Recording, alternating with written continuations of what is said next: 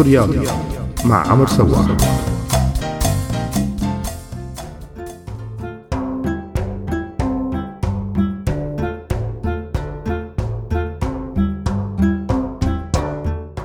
مرحبا بفقرة جديدة من سورياضي اليوم رح نحكي شوي بسرعة عن الرياضة والفرق الرياضية بالجولان. وبالحقيقة كان التدوير والبحث عن الموضوع كتير صعب على الإنترنت. كل الكلمات المفتاحية الممكنة ما لقيت نتيجة والحقيقة المعلومات الموجودة عن الفرق الرياضية داخل القسم المحتل من الجولان كانت أكثر باللغة العبرية أكثر من العربية. أما فريق الجولان يلي موجود بريف دمشق فكانت كمان المعلومات شحيحة.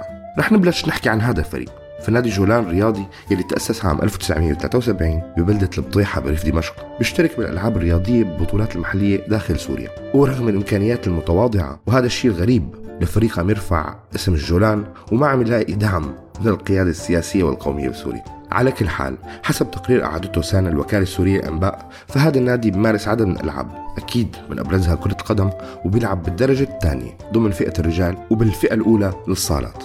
إلى جانب كرة القدم بيمارس النادي ألعاب كرة الطائرة والكاراتيه والدراجات والشطرنج والجمباز وألعاب القوى. رئيس النادي لفترة هاني دياب يلي بيقول كان الفريق قريب من إنه يتأهل الدرجة الأولى بس ما انكتب له الموضوع. من أبرز إنجازات فريق الجولان الرياضي حصول شبلات النادي على المركز الأول بطولة لعيونك يا شعب.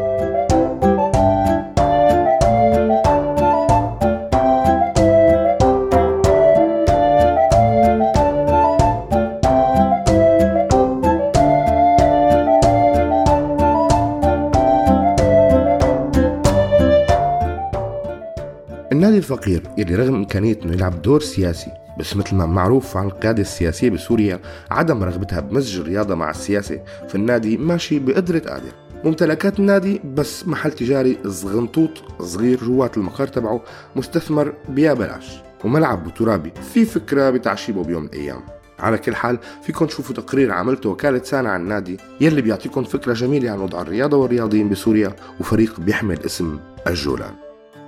على كل حال مثل ما أسلفت أنه المعلومات شحيحة كتير بهذا الموضوع. أما من داخل القسم المحتل كانت الرياضة وضعها صعب. فالرياضة بالقسم المحتل من الجولان وبالأخص كرة القدم كانت محصورة بين القرى نفسها وما كان عندهم أي مشاركات خارجية. اللهم باستثناء مشاركات مع بعض الفرق الفلسطينية. وصل عدد هي الفرق لعشرة هي مجدل شمس الحرية الطليعة الاتحاد والنهضة مسعدة الوحدة والأهلي قرية بقعاثة الأمل والشباب وقاسيون وعين قينية تشرين كانت تعمل دوري محلي بينها حتى ياخذوا الشباب فرصة اللعب. حتى اجى العام 2015 واللي طلع فيه نادي منبع والمعروف كمان باسم نادي أبناء الجولان والجليل يلي هو الأحرف الأولى من اسم البلدات اللي اتحدت لتشكل هذا الفريق يلي هي قرى مجدل الشمس مسعدة بقعاثة وعين قينية انضم النادي للدوري الإسرائيلي لكرة القدم وسيطر النادي على القسم معظم الموسم بسباق ضيق مع إف سي عليس بس انتهى الموضوع بفوز عليس وتأهله للمراحل الأولى.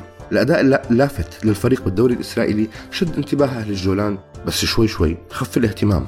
الجدير بالذكر إنه بوحدة من هاي المباريات اللي لعبها الفريق الجولاني اضطر الحكم يوقف اللعب بسبب نزول أب أحد اللاعبين مشان يهدد الحكم.